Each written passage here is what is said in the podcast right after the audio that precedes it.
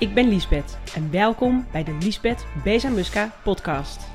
Ik geloof dat persoonlijke en zakelijke ontwikkeling hand in hand gaan.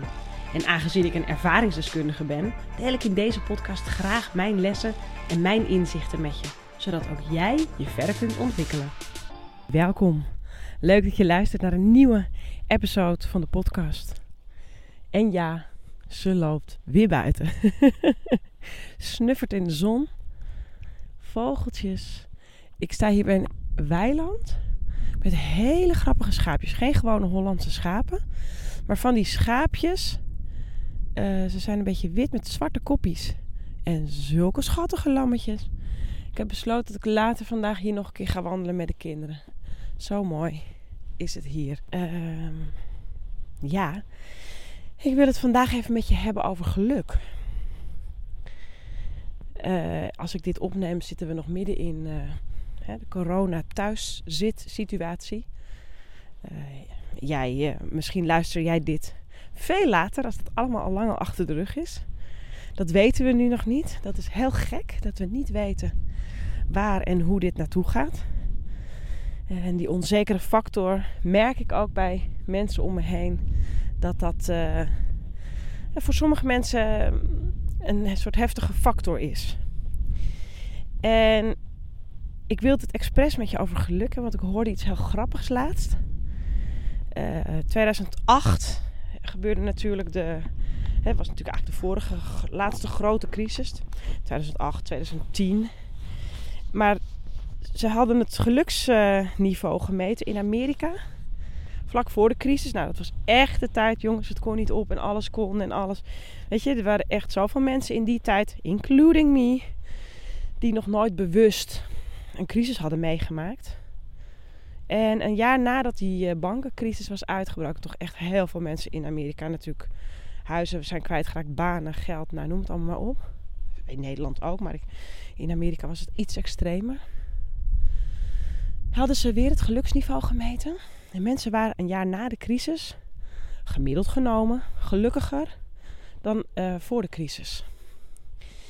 En eigenlijk is dat iets wat ik nu ook zie gebeuren. En hou me ten goede. Natuurlijk realiseer ik me dat er hele heftige dingen gebeuren. Dat er mensen met, eh, voor de rest van hun leven met, met eh, eh, beperkingen aan, deze, aan dit virus overblijven. Dat er mensen zijn die mensen verliezen in hun omgeving.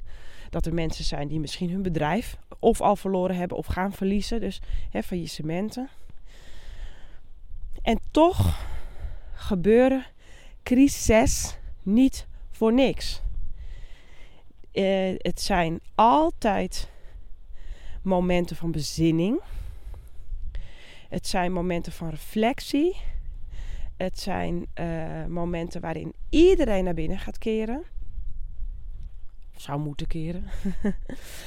en ik weet, doordat ik zelf een, een, persoonlijke crisis heb doorgemaakt eh, samen met mijn man, zakelijk en financieel, heb je hier nog nooit van gehoord. Luister zeker eh, al mijn podcasts terug. Zeker ook vanaf het begin, waarin ik veel vertel over wat we allemaal hebben meegemaakt. Ga ik nu niet over uitweiden. Maar het is juist doordat ik dat heb meegemaakt, dat ik nu weet, dit cheffen we ook wel weer.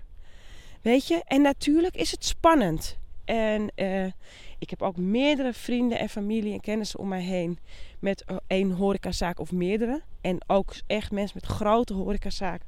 Veel personeel. Meerdere locaties. Dus weet je, dus mensen worden echt keihard geraakt. En toch, een van mijn vriendinnen stond laatst eh, aan het hek bij de tuin even met mij te kletsen. Ze hebben ook drie horecazaken. En toen zei ze, Lies, ik denk echt altijd aan jullie. Aan alles wat jullie hebben meegemaakt. En dat jij eigenlijk altijd nog steeds een gelukkig, blij mens bent gebleven. En dat je ook nog steeds gelukkig bent in je relatie. En jullie hebben het ook nog steeds leuk. En toen zei ik, ja, maar dat is ook de basis. Eh, ik, ken, ik woon in een dorp in Noord-Holland waar behoorlijk wat eh nouveau riche zit. Laten we het zo maar even noemen. En eh, ik zie ook mensen waarvan ik me best wel eens afvraag... als al je geld je zou afgenomen worden, wat blijft er dan nog van jou over? En ik geloof dat het heel sterk is. Ik, ik hou van geld verdienen, begrijp me niet verkeerd. Ik hou, ook, ik hou ook van geld. Ik zie ook niks slechts in geld. Waar ik wel in geloof, is dat geld een vergrootglas is van wie je al bent. En ik geloof dat het heel gezond is als je één keer in je leven hebt meegemaakt hoe het is om echt geen ene rode cent te hebben. Met een appel en een ei in je koelkast. Om, om te kunnen. Om empathie te kunnen hebben met andere mensen in de wereld die dat misschien ook meemaken. En ik geloof dat je creativiteit wordt aangeboord op het moment dat je dat meemaakt. Ik geloof dat er andere uh, hele belangrijke facetten in jezelf worden aangeboord. Dat je dus moet leren dankbaar te zijn met alles wat er op dat moment wel is. En, en dat is heel erg moeilijk. En dat is in deze periode is dat eigenlijk ook weer zo. er zijn heel veel mensen die nu in onzekerheid zitten.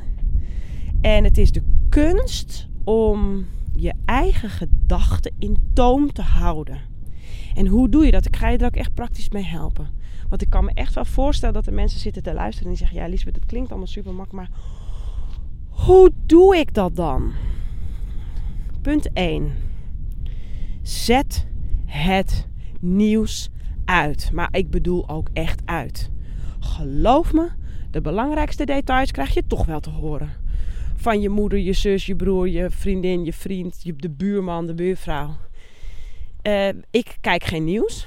Uh, als je me langer luistert, dan weet je dit.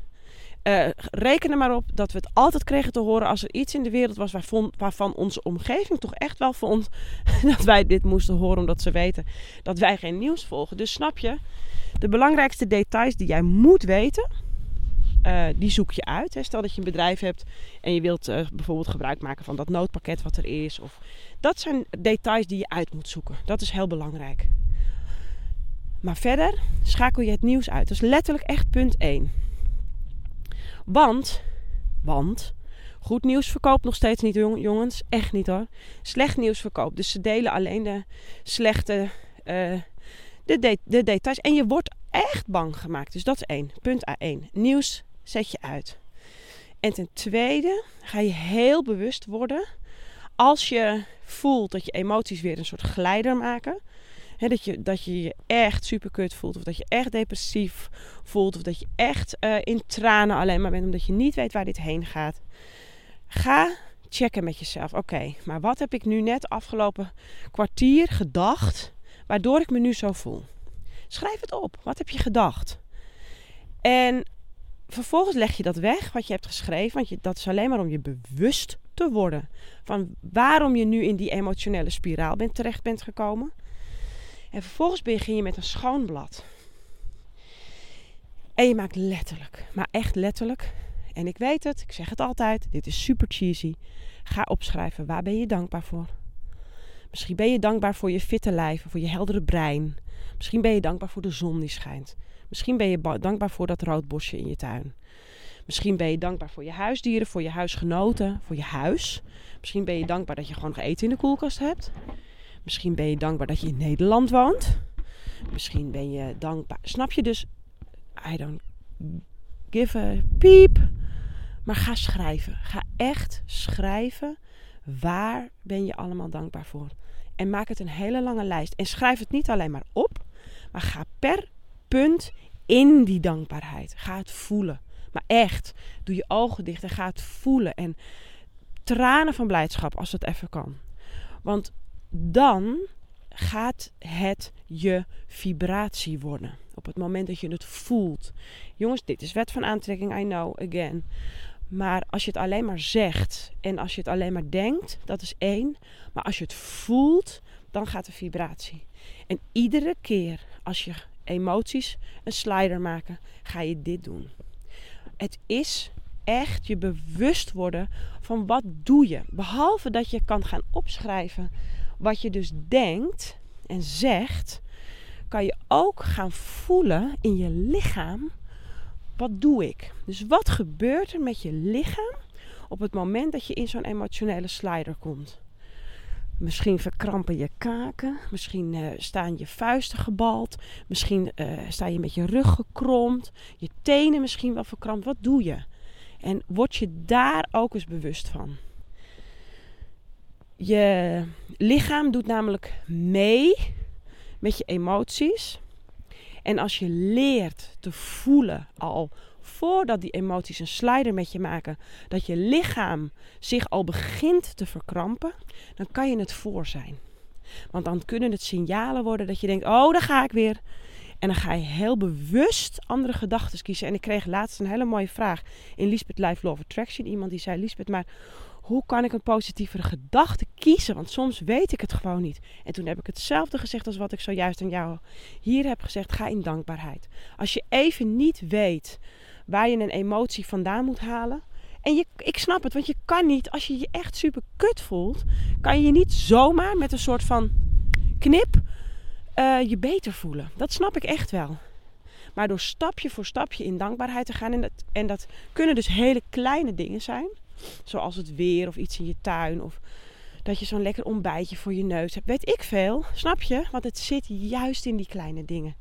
En ik geloof dus juist in dit soort periodes dat je geluksgevoel zou moeten stijgen.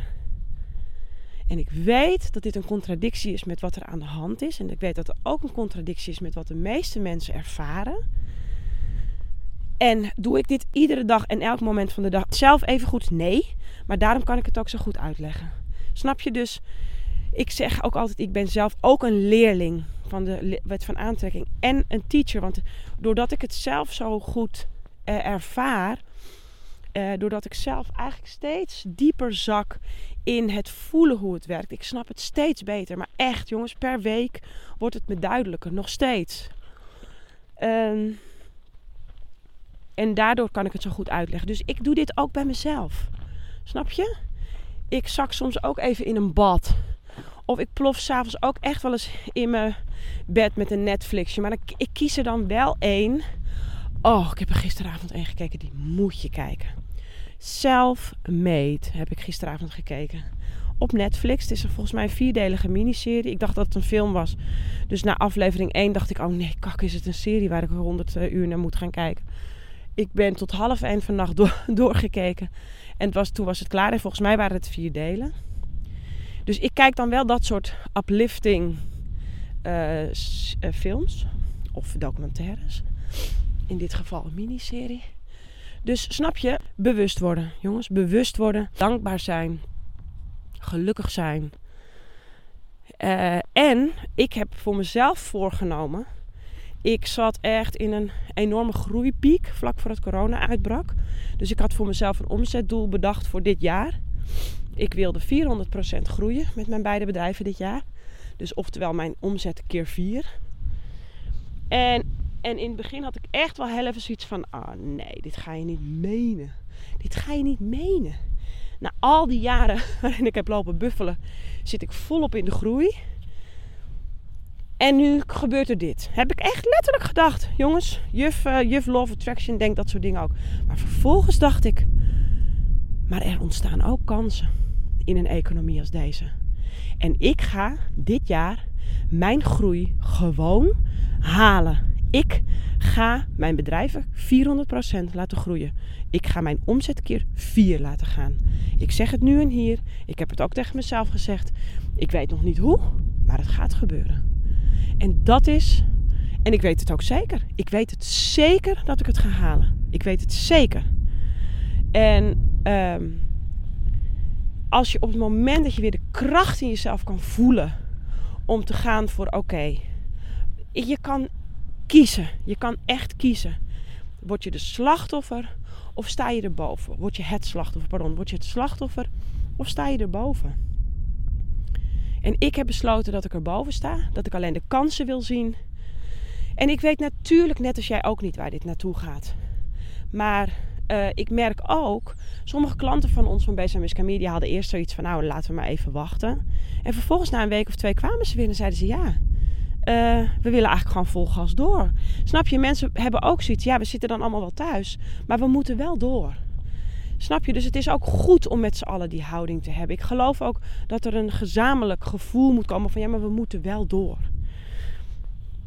Nou, uh, dit was hem. Want ik sta, loop toch alweer ruim 14 minuten te kwekken, zie ik, op mijn tellertje.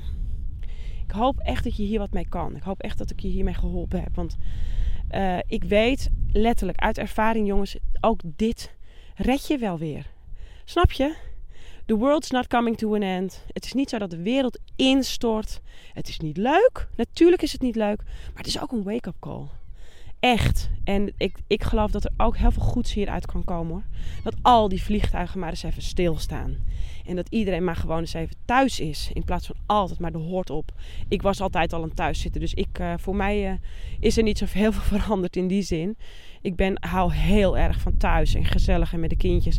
Ja, ik moet alleen mijn kinderen homeschoolen. En dat hakt erin met mijn werkuren. Maar ook daar word je flexibeler in. En word je handiger in. En het is even omschakelen. Maar uh, het is ook, ik vind het ook wel grappig om eigenlijk van zo dichtbij te zien wat de kinderen eigenlijk allemaal doen. Ik heb nog nooit van zo dichtbij gezien hoe ze eigenlijk werken. En ik, het is allemaal leerzaam. Ik zeg niet het is allemaal leuk, maar het is allemaal leerzaam. ik uh, ga stoppen, jongens. Ontzettend leuk als je hebt geluisterd naar deze podcast. Heb je een vraag? Dat kan. Je kan me altijd even een berichtje sturen in Instagram. Gooi me gewoon even in de, in de DM. Of je stuurt me een mail. info.lisbethbezamuska.nl Dat is een mond vol, sorry. Ik ben gewoon zo geboren. Vond je dit een toffe podcast? Gooi dan even een rating of een review. Uh, kan je achterlaten in Anchor of in iTunes. En uh, of je denkt, ik heb dit geluisterd en ik heb echt iemand die, die, die, die dit moet horen, stuur hem dan zeker even door. Ik wens je een hele, hele fijne dag en een hele, hele goede tijd. We komen hieruit, jongens, beter dan ooit. Echt waar. I love you en tot de volgende pod. Uh, ja, tot de volgende podcast. Ik wou zeggen tot de volgende aflevering. Nee, podcast. Bye.